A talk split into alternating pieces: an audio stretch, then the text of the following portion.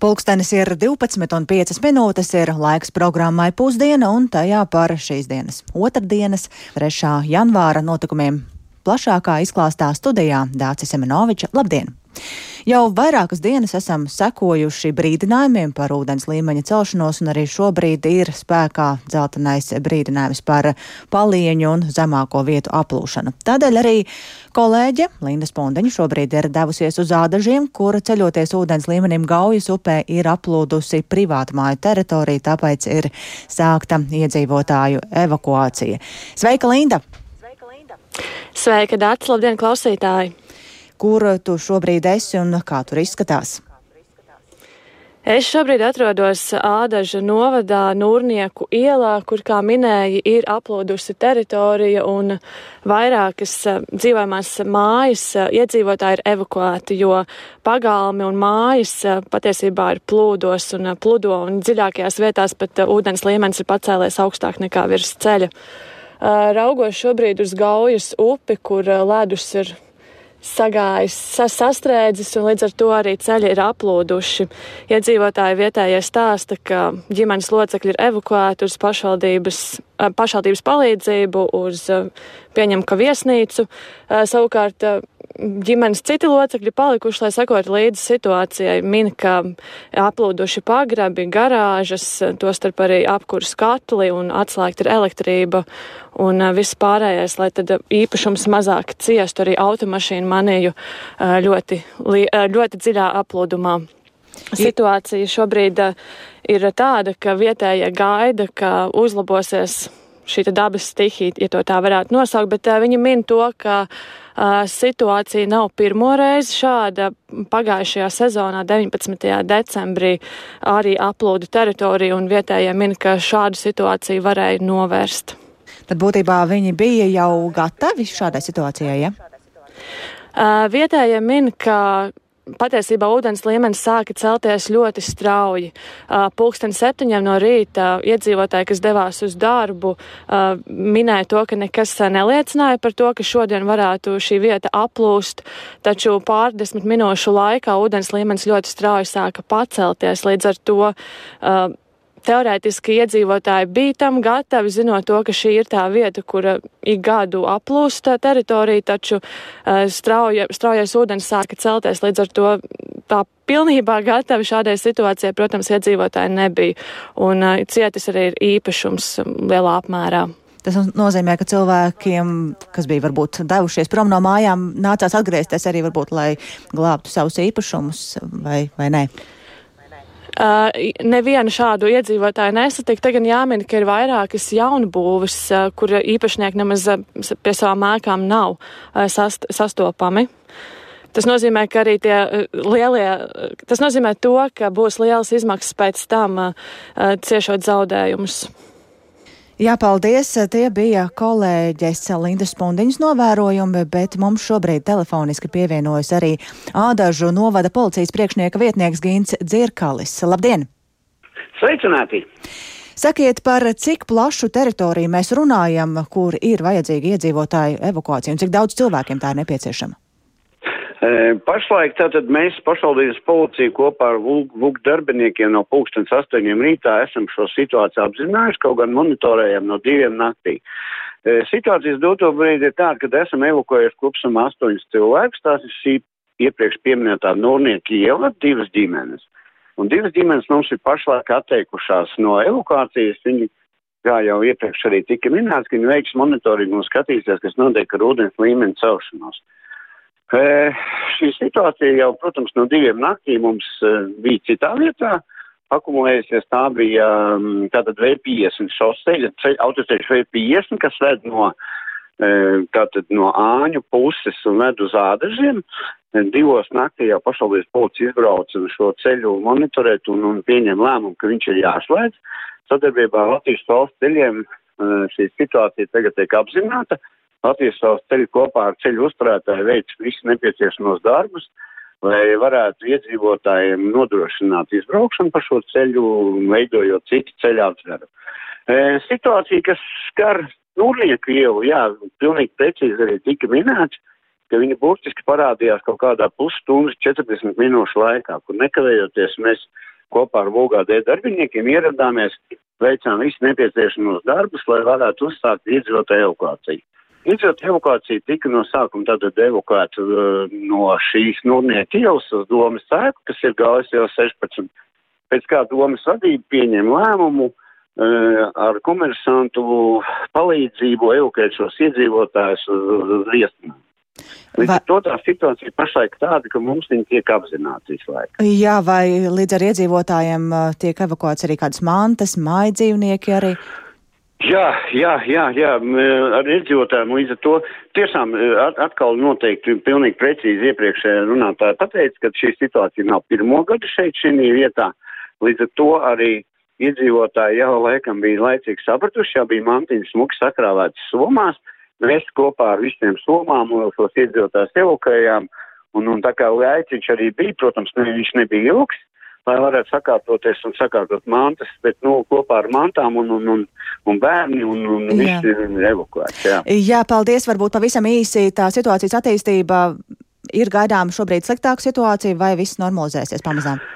Uh, lai tā indikācija tā tad ir tāda, vakar naktī, vakar vakarā pulkstens sešiem Čanikovā pie gājas tilta uh, bija ūdens līmenis 90 centimetri uh, virs normas, un pašlaik viņš jau ir uh, 1,25. Iespējams, ka nu jau ir vairāk. Bet situācija tiek monitorēta, un mēs kopā ar attiecīgiem dienestiem strādājam. Jā, paldies. Mēs sazinājāmies ar Ādažu novada policijas priekšnieka vietnieku Gintu Dzirkali.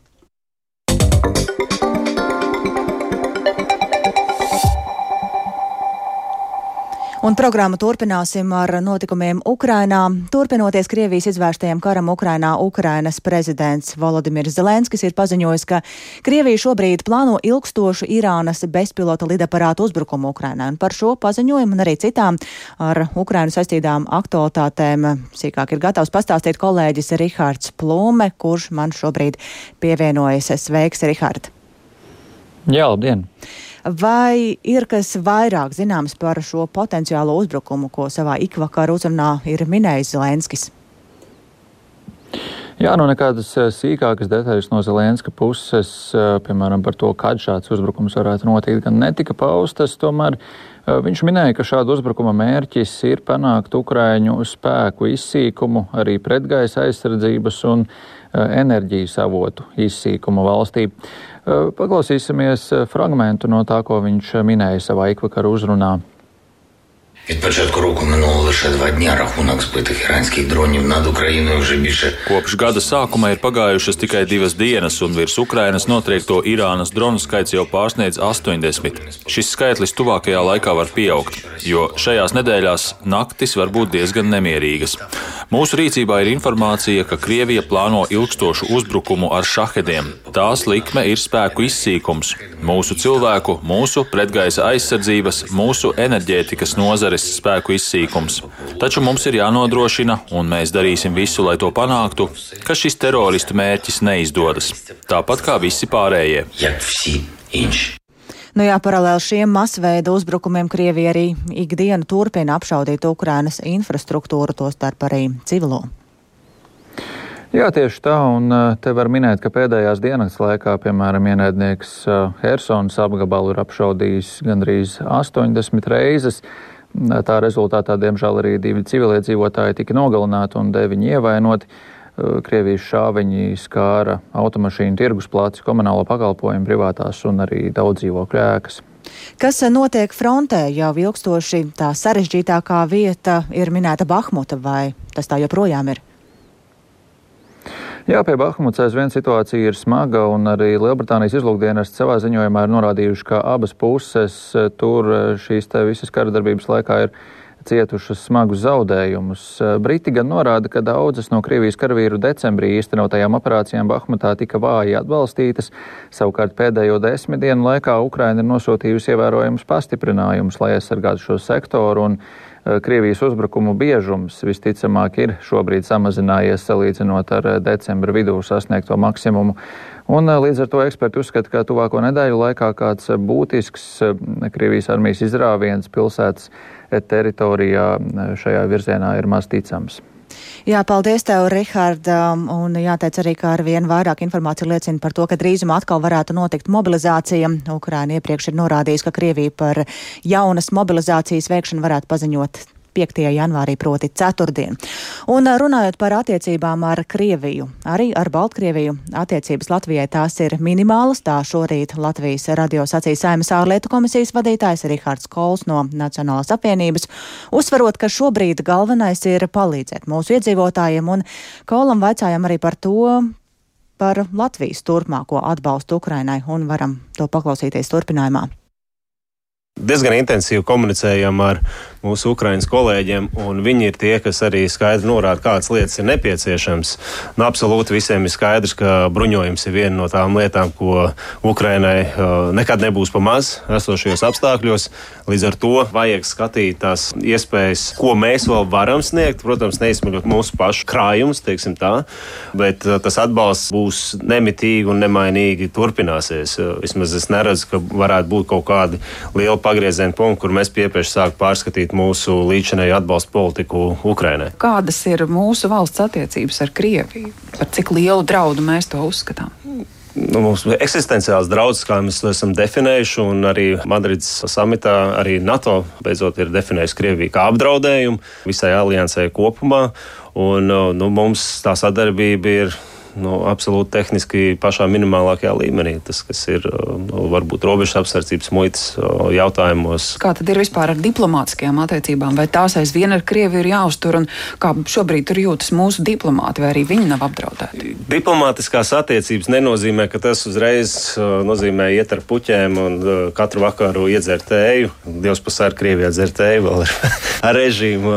Bet, ne, bet kopumā Diplomātiskās attiecības pārsvarā nozīmē to, ka tavai valstī ir iespēja pārstāvēt eh, iedzīvotāju intereses un tiesības aizstāvēt citā valstī.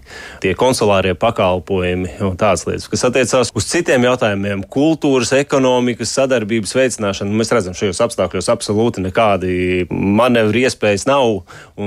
Arī es to publiski esmu paudzis, īsti neredzu nepieciešamību mūsu vēstniekam atrasties Maskavā. Jā, konsulārie pakalpojumi. Mums, es saprotu, viens konsulāts jau ir slēgts, ja nemaldos, vai divi. Un līdz ar to brīdinājumi no Latvijas valdības puses nedoties Latvijas iedzīvotājiem uz Krieviju ir vairāk kārtēji izskanējuši. Bet, protams, ir tādi, kas ignorē jebkādu šādus brīdinājumus un, un dodas. Un tas, protams, uzliek par pienākumu Latvijas valstī, ja šie cilvēki iekļūst kādās nepatikšanās vai vēl kaut kur, tas ir pienākums sniegt palīdzību un, un atbalstīt. Tā Saimas ārlietu komisijas vadītājs Rihards Kols, bet Amerikas Savienotajās valstīs šodien pirmo reizi pēc novembrī notikušajām vidustermiņa vēlēšanām pulcēsies jaunais ASV kongresa sastāvs. Republikāņi pārņems kontroli pār kongresa pārstāvu palātu, bet kongresa augšpalātā senātā nelielu vairākumu saglabās demokrāti, un tas varētu ievērojami piebremzēt vai pat pilnībā apturēt vairākas pašreizējā prezidenta Džo Baidena administrācijas sāktās reformas. Par to vairāk Uģis Lībietis.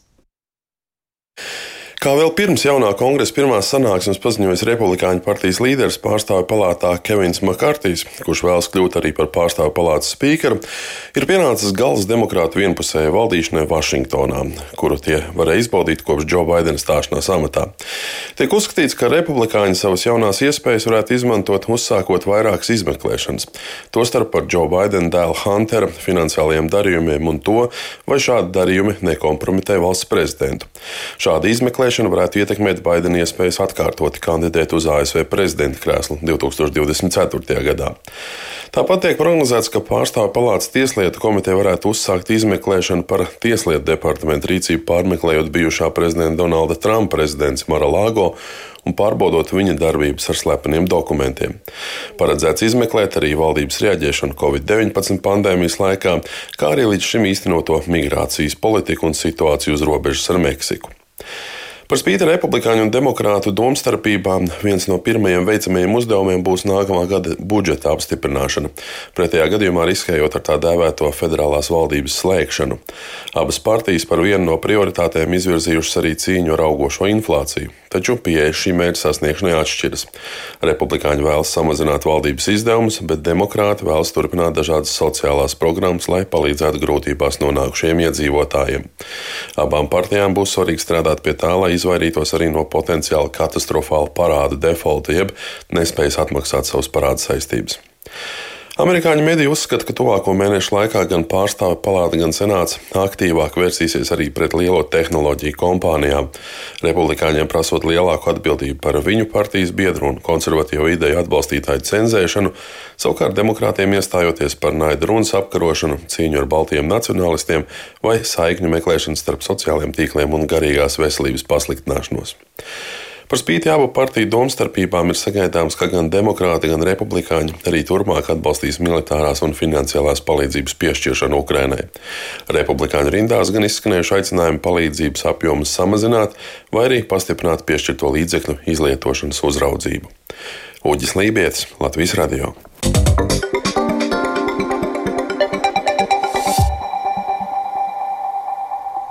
Un atgriežamies pašmājās. Klimata un enerģētikas ministrijā aizvadīta pirmā darba diena, lai arī darbs tajā pārņemtajos departamentos turpinājās kā ierasts pirms lēmuma par ministrijas izveidi. Tas pirmais neatliekamais darbs ir elektroenerģijas sadalas un pārdales tarifu plānotā palielinājuma bremzēšana, ir ieskicēta arī ilgtermiņa mērķi, par kuru izpilde cerīgas un vienlaikus arī bažīgas ir vides organizācijas. Vairāk Jāņa Kīņša ierakstā. Klimata un enerģētikas ministru Raimondu Čudaru no jaunās vienotības sastopa ēkā, kur izvietots vides aizsardzības un reģionālās attīstības ministrijas klimata pārmaiņu departaments. Mantu pārvietošanas kņadas tur nav, jo departaments strādā turpat, kur iepriekš. Tāpat kā jaunajā ministrijā iekļautie par enerģētikas jomu atbildīgie departamenti. Aizvadīta pirmā oficiālā darba diena, taču viss sācies jau decembra vidū kopš valdības lēmuma par ministrijas izveidi. Ieskriešanās laika jaunveidotajai ministrijai nav. Līdz tās izveidē pirmais uzdevums uzdevums bijis pārskatīt tarifu noteikšanas principus, lai nepieļautu elektrības sadales un pārdales tarifu būtisku kāpumu. Tas paredzams uz pusi mazāks nekā sākotnēji plānots, sola ministrs Raimons Čudars. Tāda iespēja uz to, ka tarifi būs mazāki, mums ir. Jāatzīst, gan, kad ir objektīvi apstākļi, kas saistīti ar lielāko tarifu sadārdzinājumu daļu, tā ir elektroenerģijas cena. Nu, tā ir lieta, no kā mēs izvairīties nevaram. Tāpat laikā ir tautsēmniecības konkurētspējas jautājums. Un, protams, arī maisaimniecība maksātspējas jautājums. Šo tarifu pārskatīšanu uzskatām norāda, ka jaunajai ministrijai jau šogad būtu jāpiedāvā līdzsvarots modelis, kā pārdalīt tīkla infrastruktūras izmantošanas izmaksas par labu elektroenerģijas ražotājiem. Tajā skaitā arī maisaimniecībām, saules paneļu izmantotājām. To pamato Latvijas elektroenerģētiķu un energobūvnieku asociācijas valdes izpildirektors Gunārs Valdmanis pie esošās tīkla struktūras, izmaksu struktūras, šie lietotāji tomēr zināmā mērā ietekmē tīkla lietošanas izmaksas visiem pārējiem lietotājiem. Kas ir saistīts ar faktu, ka pietiekami būtiska daļa no ieņēmumiem veidojas no faktiski uzskaitītās enerģijas tīklā un attiecīgi pieslēgumu punkti, kuru eksploatācijas izmaksas būtiski nemainās, tomēr tīkla operatoram sniedz šobrīd jau zemākus ieņēmumus, kas nozīmē, ka kopējās šīs šīs izmaksas smagāk arī gulstās uz pārējiem lietotājiem. Valdmaņa ieskatā klimata un enerģētikas ministrijas nākamais uzdevums ir pilnveidot normatīvos aktus, lai novērstu tiesisko nenoteiktību investoriem, īpaši elektroenerģijas ražotņu attīstībā. Tas saskan arī ar ministra nosaukto vienu no galvenajiem strateģiskajiem mērķiem - būtiski paplašināt atjaunojamās enerģijas ražošanu Latvijā. Tas būtiskais uzdevums un pēc kā arī varētu vērtēt mūsu efektivitāti ir šīs daļas būtisks pieaugums, kas ļautu tieši pie mums Latvijā elektroenerģiju saražot vairāk nekā līdz šim, un faktiski kļūt arī par elektroenerģijas tādu pastāvīgu eksportētāju valsti. Tas potenciāls, ko sniedz mums Baltijas jūra, ir ļoti liels. Izveidojot šo ministriju, ir dots signāls, ka Latvija nekavēsies ar klimata neutralitātes mērķu sasniegšanu. Tas pozitīvi.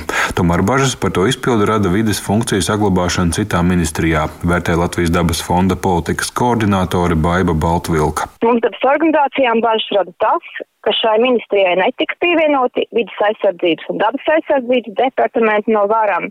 Mūsuprāt, šāds dalījums ir neloģisks un tas potenciāli var nelabvēlīgi ietekmēt citu zaļā kursa mērķu sasniegšanu, proti aprits ekonomikas un dabas aizsardzības mērķus. Šajā gadā būs jāpilnveido Nacionālais enerģētikas un klimata plāns 2021. līdz 2030. gadam. Tajā vajadzētu iedzīvināt arī oglekļa izmešu samazināšanas mērķus tuvākajiem gadiem, norāda biedrības Zaļā brīvība vadītājs Jānis Brisga.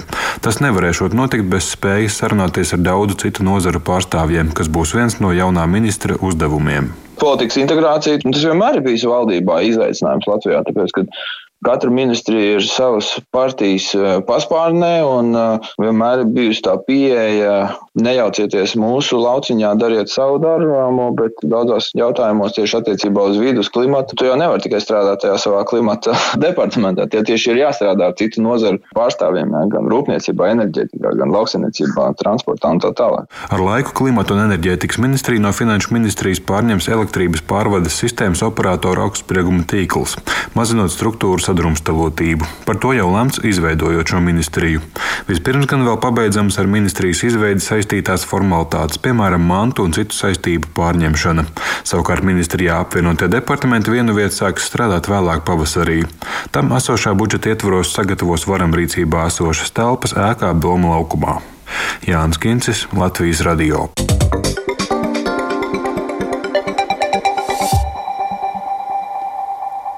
Un vēl šogad Rīgā ir ieviesta tā dēvētā turisma nodeva. Tas nozīmē, ka visām turismu mītnēm ar par viesu izmitināšanu jāmaksā viens eiro par katra ciemiņa nakšņošanas dienu. Ja viesis uzturas ilgāk, tad eh, šī summa nepārsniedz 10 eiro. Rīgas investīcija un turisma aģentūras direktora vietniece Ieva Lasmane šorīt Latvijas radio izstāstīja, kur tad šī iekasētā nauda nonāks. Ievāktā nauda nonāks pašvaldības budžetā un vienošanās ar turismu nozari ir, ka šī nauda tiek tālāk izmantota arī turismu nozares attīstībai. Galvenokārt tas būs dažādu lielu pasākumu norisē Rīgā, darījumu turismu atbalsta programmas finansējumu palielināšanai kā arī dažādām mārketinga aktivitātēm.